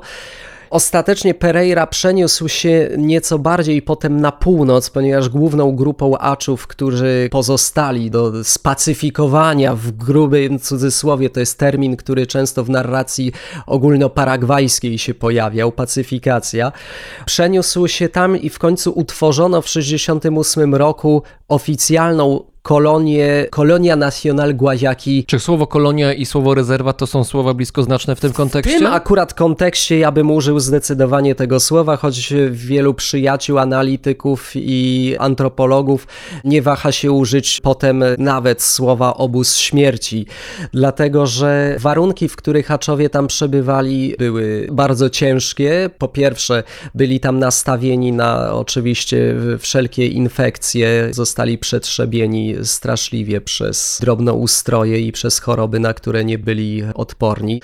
Na czele tej kolonii właśnie osadzono nie kogo innego, tylko Manuelita Pereire. Mimo, że on był nałogowym alkoholikiem, wykorzystywał seksualnie rdzenne kobiety, on był po prostu zbirem. Natomiast co niezwykle wymowne, bardzo często Aczowie nazywali go Papa Pereira, Tato Pereira. Włączył się u nich po prostu regularny syndrom sztokholmski tak naprawdę. Mimo tego, że w kolonii w ciągu kilku lat zmarło 90 osób, mimo tego oni byli w stanie nazywać go papą Pereirą. To świadectwo jednego ze z seniorów. Manuelito Pereira nie był taki zły, ponieważ jeżeli nas lał, to tylko płaską stroną maczety i tylko wtedy, kiedy był pijany. Ostatecznie, tak jak jeszcze w latach 60., przynajmniej 500 taczów, tak się szacowało, przebywało na wolności, tak w 80 roku ocalało ich wszystkich, ze wszystkich grup. 330 mniej No właśnie, tu trzeba znać skalę. Więcej. Powiedziałeś, jest, że, wiesz, że w kolonii zmarło czy zginęło 90 parę osób, ale to trzeba znać skalę, bo 90, no pff, każda śmierć jest tragedią, ale 90 może się wydawać niedużo, jeżeli mówimy o całej grupie społecznej, ale ta grupa jest po prostu niewielka. Ona sama w sobie liczyła wcześniej kilkaset osób, więc trzeba znać skalę. Tak, oczywiście, te grube kilkadziesiąt osób tutaj to była ogromna grupa procentowo, natomiast to oczywiście mówimy tylko o tych, którzy zmarli, zginęli z różnych przyczyn w samej kolonii. Nie mówimy o ofiarach napadów, polowań i tak dalej. Miałeś okazję spotkać się z aczami, to już było powiedziane. Jak to spotkanie przebiegało? To znaczy, interesuje mnie to, czy zaufanie do osoby z zewnątrz białej było ograniczone, biorąc pod uwagę wcześniejsze doświadczenia. Jak wchodziłeś w tę grupę? Czy to wymagało jakiegoś przewodnika, kogoś, kto cię wprowadził, kto jakoś poświadczył? O, ten człowiek, który przyjechał i się fajnie uśmiecha, nie jest groźny, nie zrobi nam krzywdy i możemy mu zaufać. Ponieważ ja na pracę w Paragwaju miałem tylko 2,5 miesiąca, mówię tylko, bo jak na moje dotychczasowe standardy to jest bardzo krótko to też starałem sobie przetrzeć możliwie wiele szlaków wcześniej i kontaktowałem się z wyprzedzeniem z misjonarzami, którzy po prostu dali mi potem swoją rekomendację i to była przepustka. Krótko mówiąc, odcinałem kupony od zaufania, którym oni się cieszą dzięki wieloletniej pracy pracy w tej społeczności. Wcześniej, przed przyjazdem do Puerto Barra, do tej pierwszej wspólnoty, w której byłem, rzeczywiście była gremialna decyzja, to znaczy był to jeden z punktów poddanych pod dyskusję. Tu nie chodziło o to, że, że byłem to, biały, czy... To czy, czy cię wpuścić w dużym tak, i czy pozwolić, czy pozwolić zostać, to czy byłem biały, czy nie, to już nie ma teraz takiego znaczenia. Już to jest też niezwykłe, że aczowie potrafili jednak wyzwolić się już z tego gniewu, nie z traumy, ale z gniewu i z chęci odwetu, w związku z czym ja bym ich określił wręcz jako otwartą społeczność, co nie zmienia faktu, że formalnie bez ich zgody właściwie nie ma się prawa w ogóle tam wchodzić i w ogóle przebywać. Niejedne społeczności rdzenne wbijają sobie tabliczkę taką, że tutaj się zaczyna granica takiej a takiej wspólnoty, chroniona takim a takim prawem i tak dalej i zakaz wstępu bez zgody, więc... Albo wbijają tabliczkę, albo wbijają strzały. Nie, no, nie, to już dawno y, tak nie jest, chociaż, chociaż rzeczywiście, jak mówiłem, aczowie po dziś dzień oprócz wiatrówek czy broni palnej używają jak najbardziej na grubszą zwierzynę łuku. W rezerwacie Barakaju jako jedyni mają prawo tam formalnie polować, ale właśnie przy pomocy broni konwencjonalnej. Natomiast no, musiałem sobie jakoś właśnie ułatwić to zadanie, ponieważ czas był niewielki, dlatego y, korzystałem tutaj z zaufania, jakim cieszyli się misjonarze, ale później, y, pozostając jeszcze tutaj w kontekście Puerto Barra, Wiesz, stosowałem moje wszystkie metody, które stosuję i które są nie tylko skuteczne, ale też odzwierciedlają moją po prostu szczerą i żywą chęć nawiązania relacji z tymi ludźmi i dotarcia do nich, bo zresztą mam wśród rdzennych z różnych stron świata teraz różne sympatie i znajomości, które trwają po latach od mojego wyjazdu, co jest, co jest znakomite.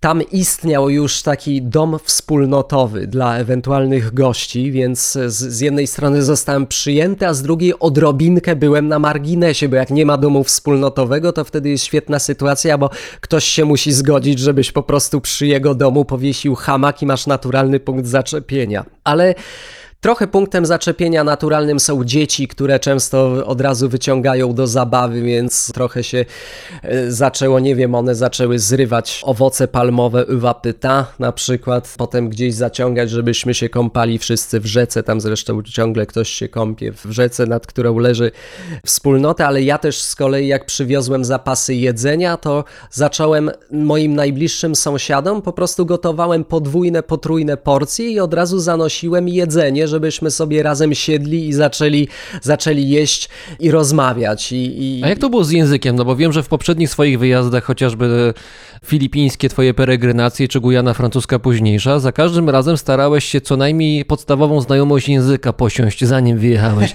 Jak było tym razem? Tak, to znaczy nauczyłem się nieco języka Guarani. To trochę lingua franca, prawda? W Paragwaju. W Paragwaju tak, Guarani w Paragwaju oczywiście, bo blisko 90% mieszkańców w jakimś stopniu mówi, ale jest spora grupa, circa 1 trzecia, która się głównie porozumiewa w języku Guarani. Oprócz tego, że formalnie jest i oficjalnym, a nawet za dyktatury został narodowym językiem uznany, co brzmi trochę paradoksalnie, dlatego że, że był może nie tyle tępiony, ile, ale nawet można powiedzieć i w każdym razie absolutnie niedopuszczany. W konstytucji z 67 roku jest jasno powiedziane, że to hiszpański będzie tym, tym językiem. No dobrze, to z Acze rozmawiałeś po Nie, hiszpańsku? nie, czy- rozmawiałem, rozmawiałem jednak głównie po hiszpańsku. Wiesz, ja się nauczyłem Guarani w sposób taki, żeby trochę tam wyjaśnić, kto zacz, po co przyjechał i raczej, żeby, żeby porobić jakieś makaronizmy, wtręty i troszeczkę zjednać sobie tym ludzi. To jest jednak bardzo trudny język, wiesz, wszelkie rankingi trudności języków są szalenie subiektywne i kontrowersyjne, ale gdzieś tam znalazłem, że zalicza się go do jednego z dziesięciu najtrudniejszych języków na świecie. No, oczywiście dyskusyjny, ale jest on trudny, więc szczególnie trudno mi było rozumieć odpowiedzi. No, nieporównywalnie lepiej mówiłem i do dziś znacznie lepiej mówię w języku filipińskim, tagalskim. Zresztą nagle spontanicznie na wyjeździe turystycznym w Tajlandii gdzieś zagadały mnie o coś Filipinki i udało mi się zupełnie spokojnie zacząć z nimi gawędzić po tagalsku, no ale na Filipinach spędziłem łącznie 8 miesięcy, więc to też inna sprawa. Tagalski jest znacznie prostszy od Guarani. No więc z aczami i z innymi mówiłem, mówiłem po hiszpańsku. Jednak, co czasami było trudne, bo niektórzy z nich mówią perfekcyjnie po hiszpańsku, niektórzy i myślę tutaj o pokoleniu nawet młodszym, no młodszym od nas, no nawet to już nie jest wcale takie trudne, którzy wiesz, no gubiliśmy się nieraz w tłumaczeniu, albo tłumaczenie było bardzo proste, więc wiesz, ja wiele rzeczy wyjaśnień, też wiele rzeczy, o których dzisiaj w rozmowie z tobą wspomniałem, mogłem wspomnieć dlatego, że potem rozmawiałem o tym z ludźmi, którzy spędzili lata wśród aczów i mogli mi to wyjaśnić, także z misjonarzami. Wiesz, będę się czuł lepiej, jeśli tutaj zrobimy mały nawias a propos misjonarzy, bo często o nich wspominam. To jest kontrowersyjny temat i chciałbym, żeby to też wybrzmiało wyraźnie, że ja prywatnie, jako Tomasz Owsiany, nie, nie pochwalam generalnie jakiejkolwiek działalności stricte misjonarskiej, jakiejkolwiek ingerencji w system wierzeń.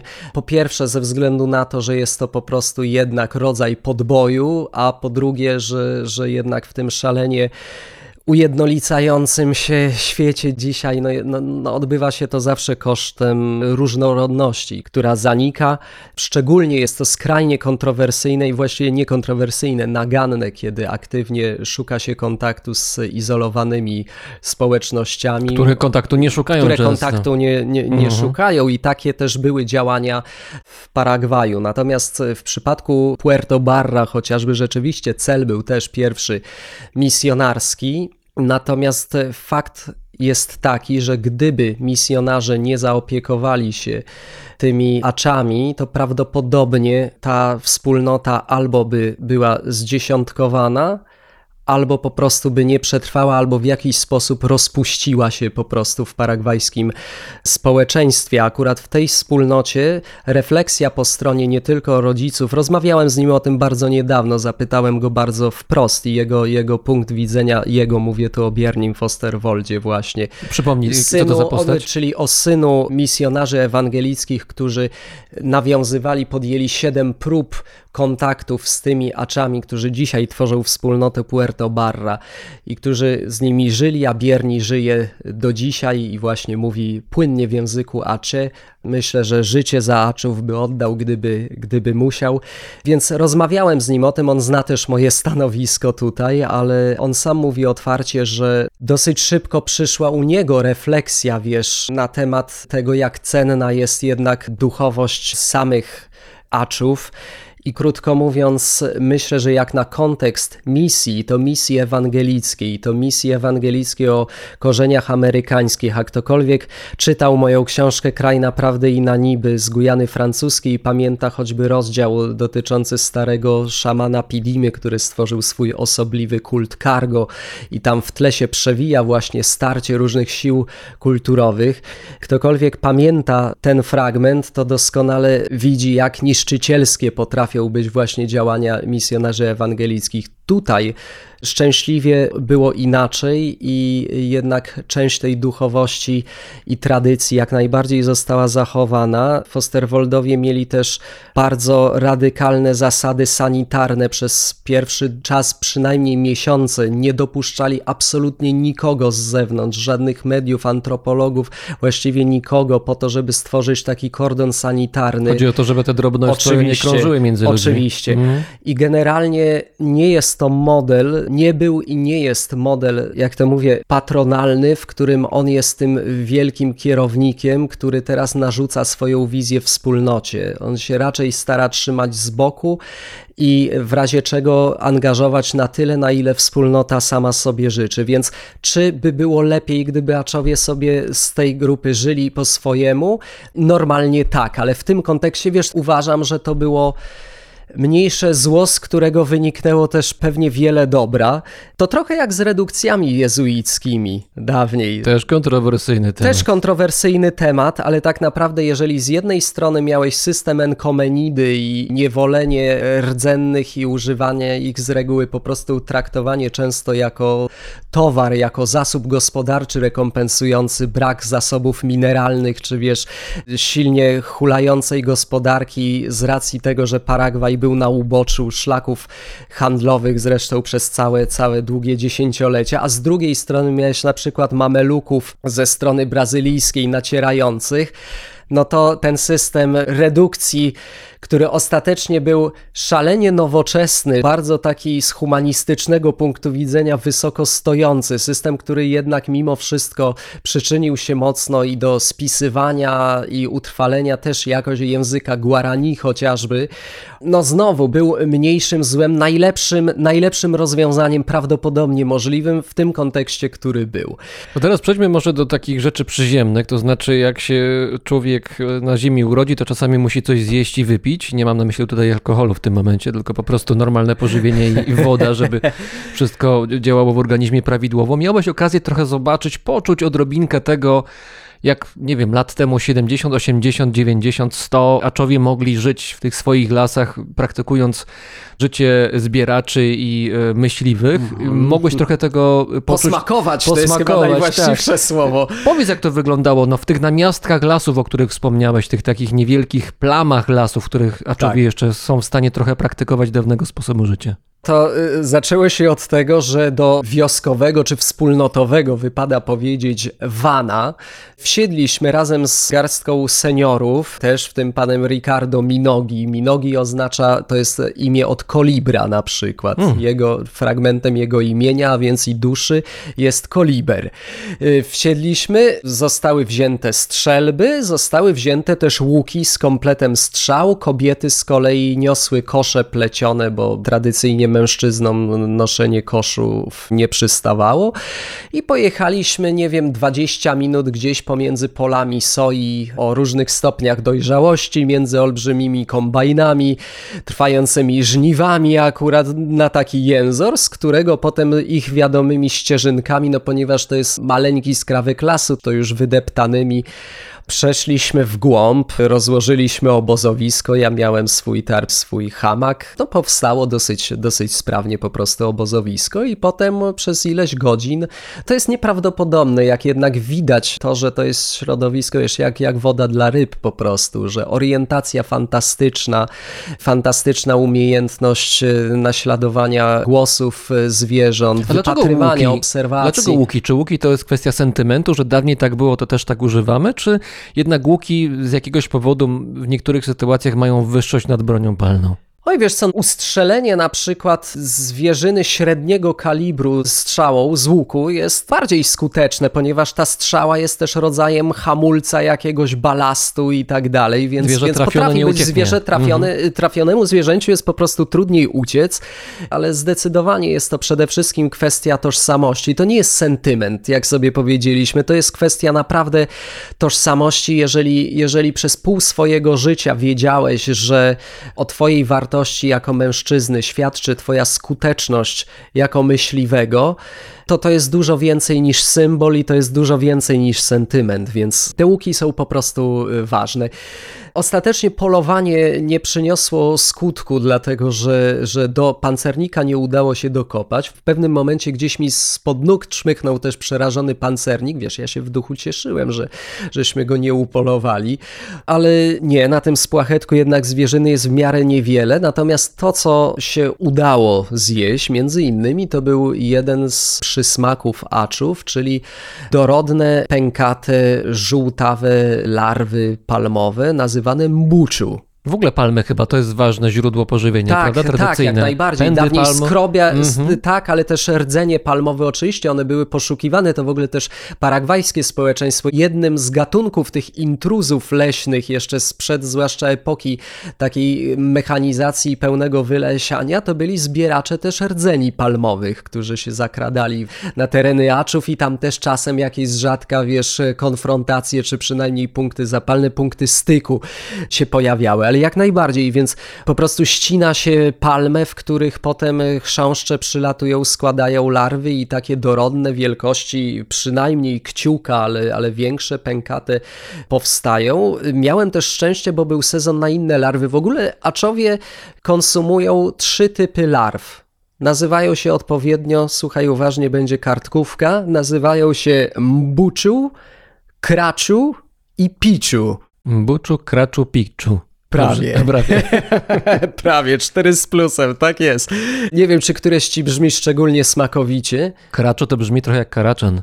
A, a widzisz, a były świetne. Piczu nie próbowałem, bo akurat się nie załapałem. Kraczu to są larwy bambusowe. Zbierałem je też i to, to też wygląda ciekawie, jak ktoś z mieszkańców, który na przykład jest nauczycielem w rdzennej szkole i kończy, zamyka laptopa, wychodzi z biura w szkole, po czym jedzie do domu motorkiem, wyciąga maczetę i jedzie zbierać kraczu.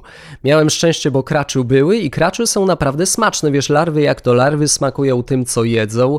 One żyją wyłącznie w bambusie, więc to był naprawdę bardzo przyjemny bambusowy, świeży smak. A one się ruszały, jak jadłeś? Tak, to znaczy nie, jak Nie, jadłem nie. to już nie, bo, bo jednak jakiejś obróbce termicznej, że, że choćby w ognisku były. Natomiast aczowie najbardziej lubią mbuczu, które smakują właśnie rdzeniem palmowym, bardziej to jest już trochę bardziej dla koneserów. Zresztą one są dużo bardziej koneserów. A, a próbowałeś tych rdzeni palmowych w ogóle? Jak to smakuje? Gdzieś tak, ale nie z nimi. Nie, nie, nie, nie, nie wśród aczów, ale larwy mbuczu, tak, które są też traktowane jako przyprawy nieraz, bo pan Minogi też jego, jego y, żona robili potrawkę z manioku i wrzucali tam trochę takich naderwanych mbuczu, które właśnie dawały, one są jeszcze tłuste, taki tłuszcz się pojawia w dawnych Rosołek czasach. z larwy. Rosołek z larwy zupełnie, ale robili też aczowie na przykład zbierali ten tłuszcz i używali go jako tłuszcz do natłuszczania włosów chociażby. Wiesz?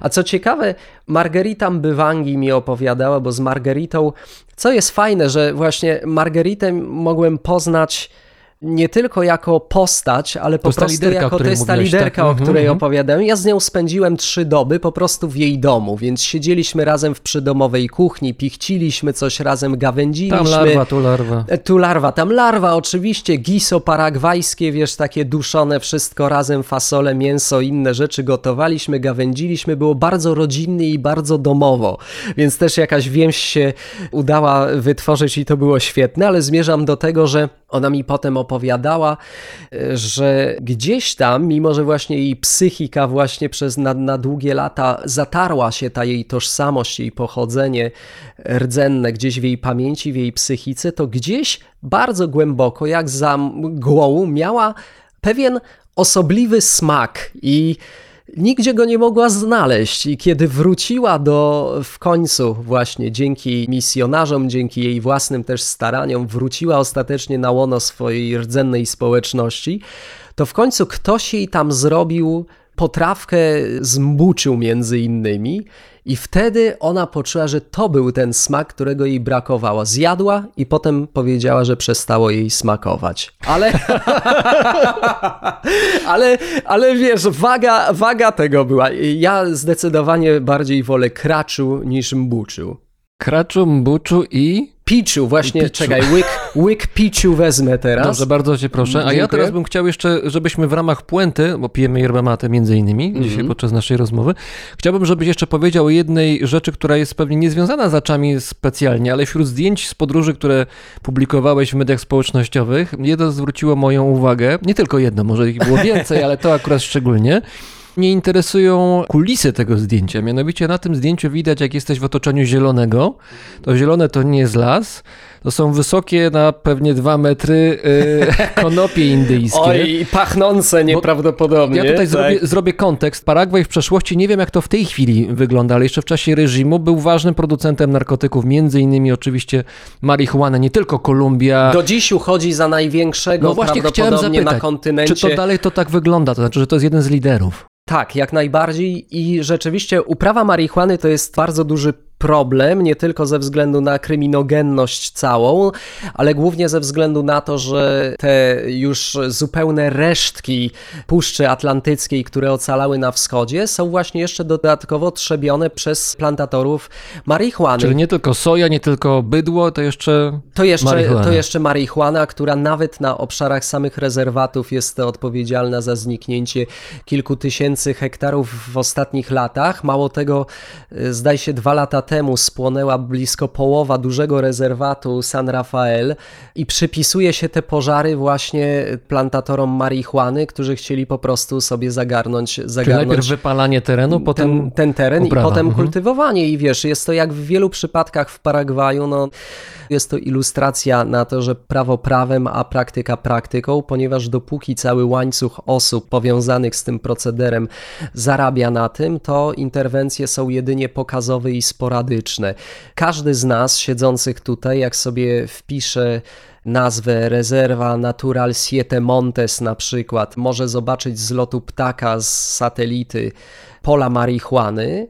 Bo to nie jest tak samo schowane może, no to nie jest schowane, to jest słuchaj, tego się nie są. da schować, tego się nie da A schować, jakie duże to było to, to pole, na którym ty byłeś? logicznej. Słuchaj, trudno mi powiedzieć jak duże, jak się stało w środku, no to miałeś wrażenie gąszczu, ale, Mhm. ale to nie są jakieś ogromne pola, w żaden sposób nie są porównywalne do pól soi, ale są bardzo wyraźne, bardzo czytelne właśnie nawet na mapach googlowych.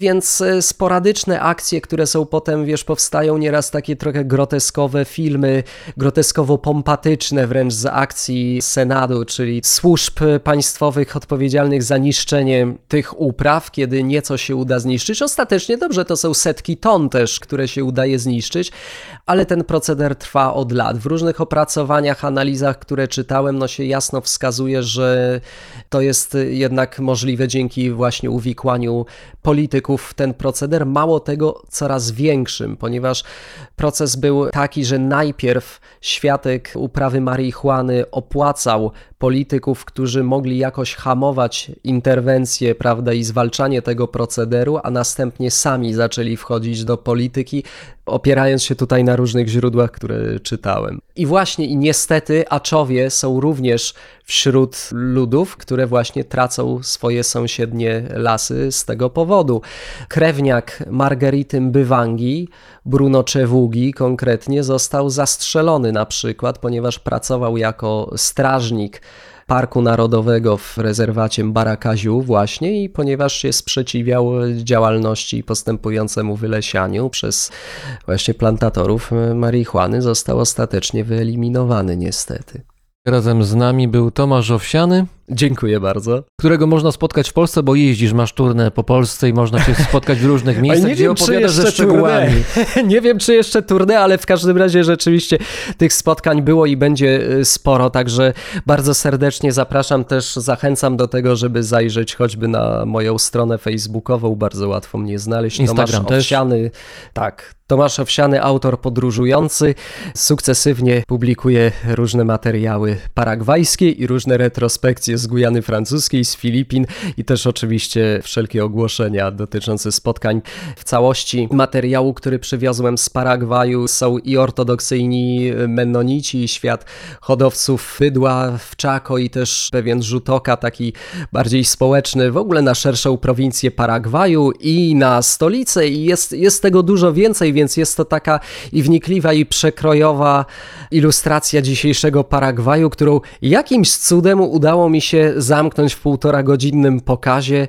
Bardzo mnie cieszy to, że e, reakcje, odbiór jest naprawdę bardzo, bardzo dobry, mimo że jest tam wiele spraw też złożonych i trudniejszych. Także zapraszam, będzie mi się miło spotkać właśnie z Twoimi też słuchaczami gdzieś na moich spotkaniach. O ile, tylko, o ile tylko w kuluarach będziesz robił rosół z larwy. Także bardzo Ci dziękuję. Wszystkiego dobrego, do zobaczenia w Polsce i do usłyszenia. Dzięki serdeczne.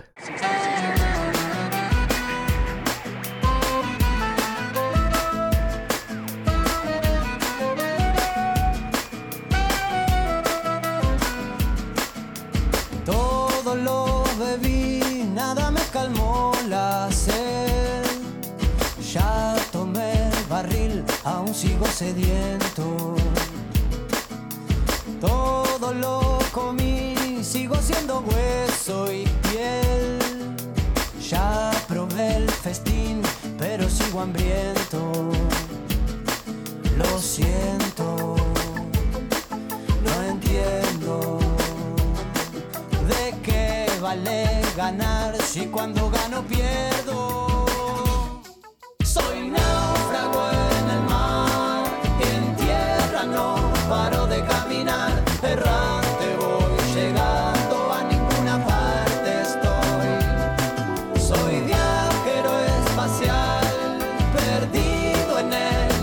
Sideral, rendido a los sentidos sin sentido. Voy de aquí para allá.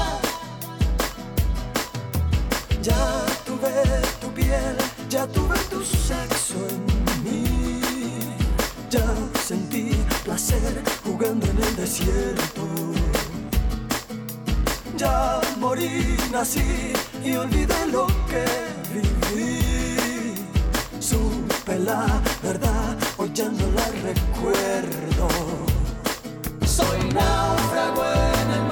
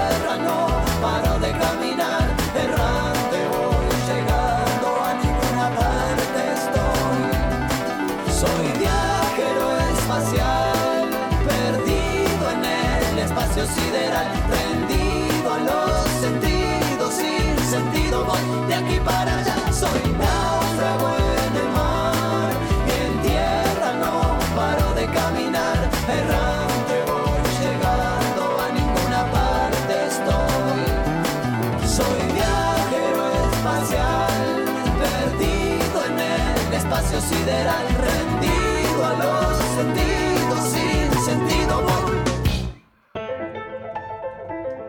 To był 192 odcinek Brzmienia Świata. Wszystkie odcinki tej audycji powstają dzięki hojności słuchaczy. Do tego szacownego grona można dołączyć. Wystarczy wejść na stronę patronite.pl i tam odszukać Brzmienie Świata.